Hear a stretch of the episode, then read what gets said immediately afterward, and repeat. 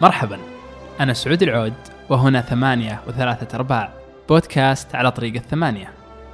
نناقش اليوم مصطلح التسويق والاقتصاد المسمى بالمحاسبة العقلية وهو مفهوم يحاول وصف عملية التفكير لدى الناس من خلال تصنيف وتقييم النتائج الاقتصادية المترتبة على سلوك الشراء. لدينا ضيفنا اليوم الكاتب مقالة تأثير المحاسبة العقلية أيمن ليحيى. أهلا أيمن. أهلا أهلا سعود. كيف الحال؟ تمام. أيمن آه الموضوع جدا شيق. آه عجيب. مم. أتوقع إن أي أحد يقرأ المقالة آه راح راح يتغير أنا يعني أول ما قرأت المقالة قاعد أحس ان في صناديق في رأسي وكل صندوق فيه كمية فلوس. آه إيش جميل. إيش السبب أو أو إيش اللي جذبك إنك تكتب مقالة زي كذا؟ هو أصلا يعني آه هذا الشيء يحدث معي أصلا آه، في البداية قبل كل شيء يحدث معي من زمان يعني ومع أي شخص. ولأني أدرس تسويق فكنت أركز أحيانا على بعض الأشياء و وخلال بحثي وقراءتي اكتشفت هذا الم... ال- لأنه هذا أنا ما درسته في ال- في ال- في الجامعة لكني آه يعني زي ما يقولون اكتشفته أثناء ال- ال- البحث وزي كذا وحتى أصلا المصطلح جديد يعني ما هو ما هو قديم يعني. هو المصطلح آه، سمي من قبل آه، ريتشارد تالر اللي هو أستاذ الاقتصاد السلوكي في جامعة شيكاغو وهو ما زال في جامعة شيكاغو. فهو مش مش قديم يعني و و وفعلا هو فكرة ال- ال- ال- ال- المصطلح بشكل عام هو إنه فكرة المحاسبة العقلية عموما هي نفس المحاسبة المالية أو المحاسبة الإدارية لكنها تحدث في العقل يعني من دون تسجيل فعلي الارقام كتابيا. فهي تدور في عقل الإنسان. طيب آه يعني أنا خلينا نقول إن المثال جدا جميل. خلينا نمشي على المثال. الحين آه خلينا نبدأ من جديد. خلينا نقول أنا وياك طالعين. آه okay. و... وصراحة يعني تسعيرة ال- ال- السينما عندك مثل تسعيرة سينما الخليج كلها يعني دبي والبحرين وكذا.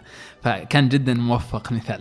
فطبعا أنت قلت في المقالة إن لو كان عندك آه، 60 ريال أو 30 ريال قيمة تذكرة لدخول السينما آه، ثم. فقدت ال 30 ريال فهل أنت راح تعيد التفكير إنك تشتري تذكرة ولا لأنك فقدت قيمة التذكرة تقول أوه ما راح أشتري التذكرة ولكن السيناريو الآخر كان إنك لو شريت التذكرة ثم ضاعت التذكرة ولا عندك فاتورتها فبتضطر إنك تروح وتشتري التذكرة من جديد طبعا فعليا لو ناخذها بالأرقام أنت في كل السينا... في السيناريو الأول والثاني فقدت ال 30 خسران ريال. خسران نفس المبلغ. اي لكن وش الفرق بين السيناريو الأول والآخر؟ هو إنه السيناريو الأول فقدت التذكرة. رحت للسينما already دافع already معك تذكرة لكن يوم جيت أدخل ما لقيت ما لقيت التذكرة. ضاعت ما تدري كيف. ومشتريها ب 30 ريال. فهل أنت إذا أنك أنت تبغى تشوف الفيلم ما زلت تبغى تشوف الفيلم فمضطر إنك تدفع 30 ريال مرة ثانية عشان تشوف الفيلم. طبعا هذه ممكن تقيسها على أشياء كثيرة. يعني ممكن تقول والله الفيلم آه 30 ريال مرة بالنسبة لي مرة يكون قليل المبلغ لكن مو مو هو يعني لا لو اعتبرنا إن لو اعتبرنا إن المبلغ بالنسبة للناس كلها مبلغ يعني الشعور للمبلغ سواء قليل أو كثير ثابت. يعني ثبتنا ال- العامل هذا. ممكن تقيسها مثلا على حفلة موسيقية. أنت رايح دافع دافع 200 ريال already. لكن يوم جيت وبحثت عن التذكرة ما حصلتها. فهل أنت راح تدفع 200 ريال زيادة؟ غالبية الناس ما راح يدفعون. لأنه راح يفكر بأنه أوه لما أدفع أنا 200 ريال زيادة راح أطلع من الحفلة أو راح أطلع من السينما وأنا كلف كلفني ال- 400 الفيلم 60 ريال واول الحفلة كلفتني 400 ريال. ذهنيا أنت تحس إنك دفعت 400 ريال عشان حفلة موسيقية قيمه قيمة تذكرتها 200 ريال. بينما في المثال الثاني إنه أنت رحت أصلا تشتري و... وأنت لسه ما ما اشتريت تذكرة لكنك فجأة وأنت في الطابور وجالس تفقد أغراضك كذا واكتشفت إنه 200 ريال راحت من جيبك ما تدري كيف.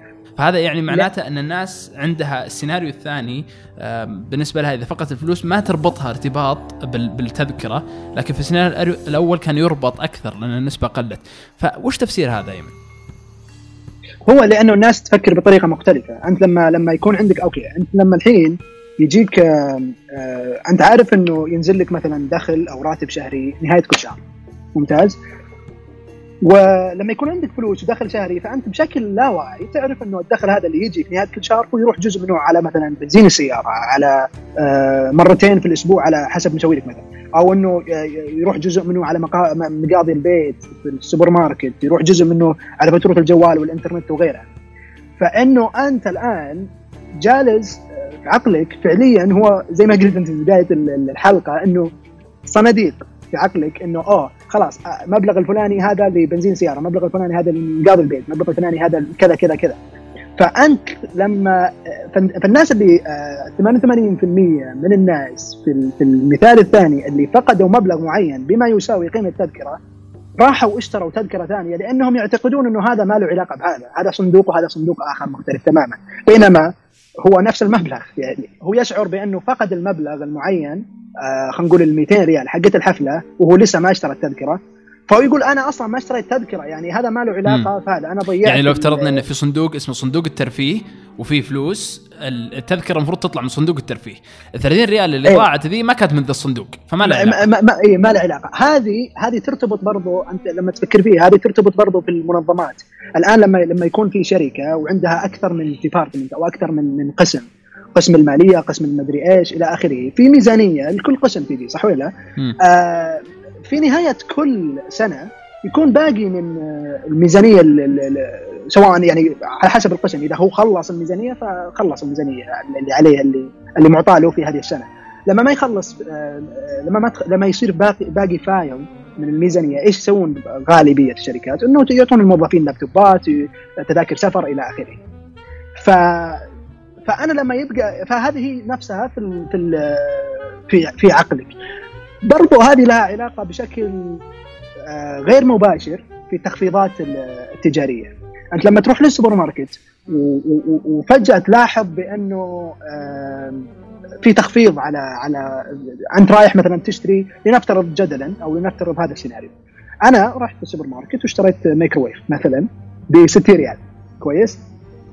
جيت أنا وقلت آه، لصديقي سعود إنه هذا الميكروويف أحسن ميكروويف في الدنيا.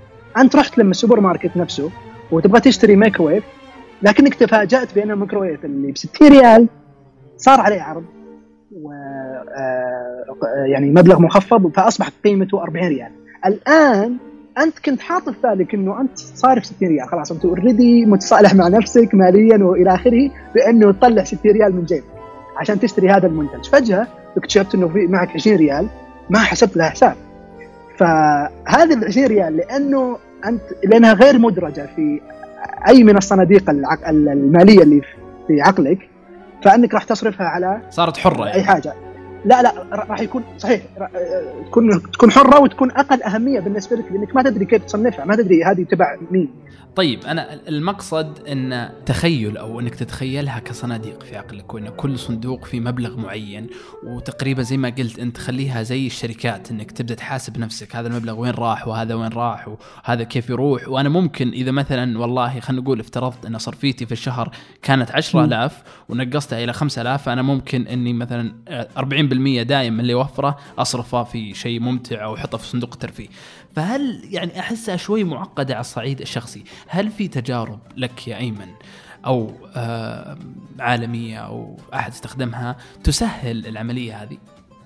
هي هي المحاسبة العقلية وحنا دائما كنا لما نفكر بالمحاسبة العقلية إحنا نفكر وهذا ذكرته بآخر المقالة إنه إحنا ممكن نظن بأنها تجعلنا نصنع قرار خاطئ، نصنع قرارا ماليا خاطئا، وإنه وإنه ال ال آه، لكنها ممكن تكون استراتيجية قابلة ان تتكيف معها. هي تساعدك على تنظيم فلوسك. هل هي استراتيجية كويسة؟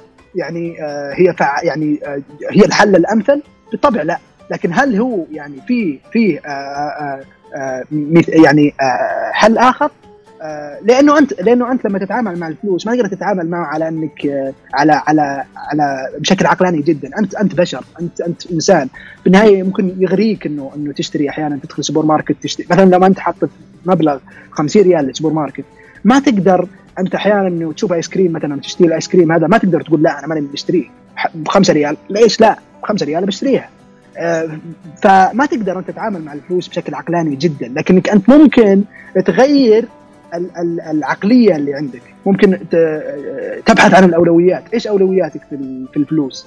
في بعض الناس ما ما عنده أولويات. يطيح مبلغ في حسابه مثلا مبلغ 3000 4000 ريال فجأة يطير.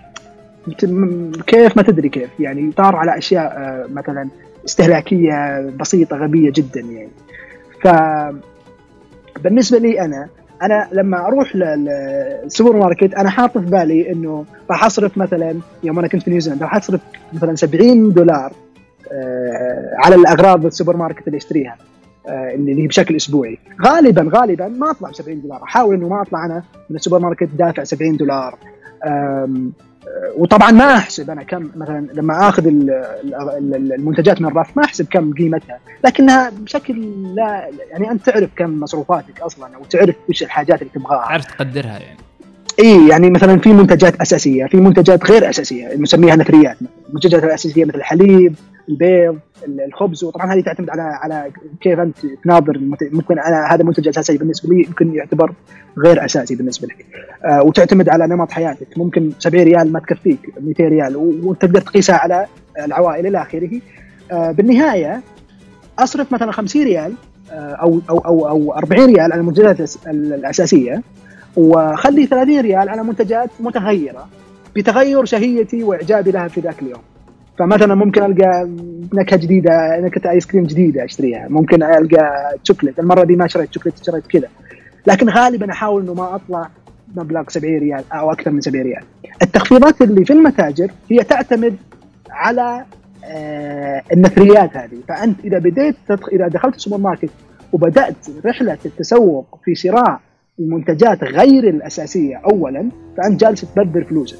طيب خليني أختم أيمن آه، برسالة في هذه المقالة إن ضرورة رفع الثقافة المالية لدى الفرد وإن هذا الشيء لازم يكون آه، منذ الصغر من المدارس وأن تدرس الأمور هذه لأن لازم تفهم سلوكك وعقلك في كيف تفسر إدارة المادة آه، وأن نكون على الشكل الفردي مثل الشركات عندما تحرص على المادة.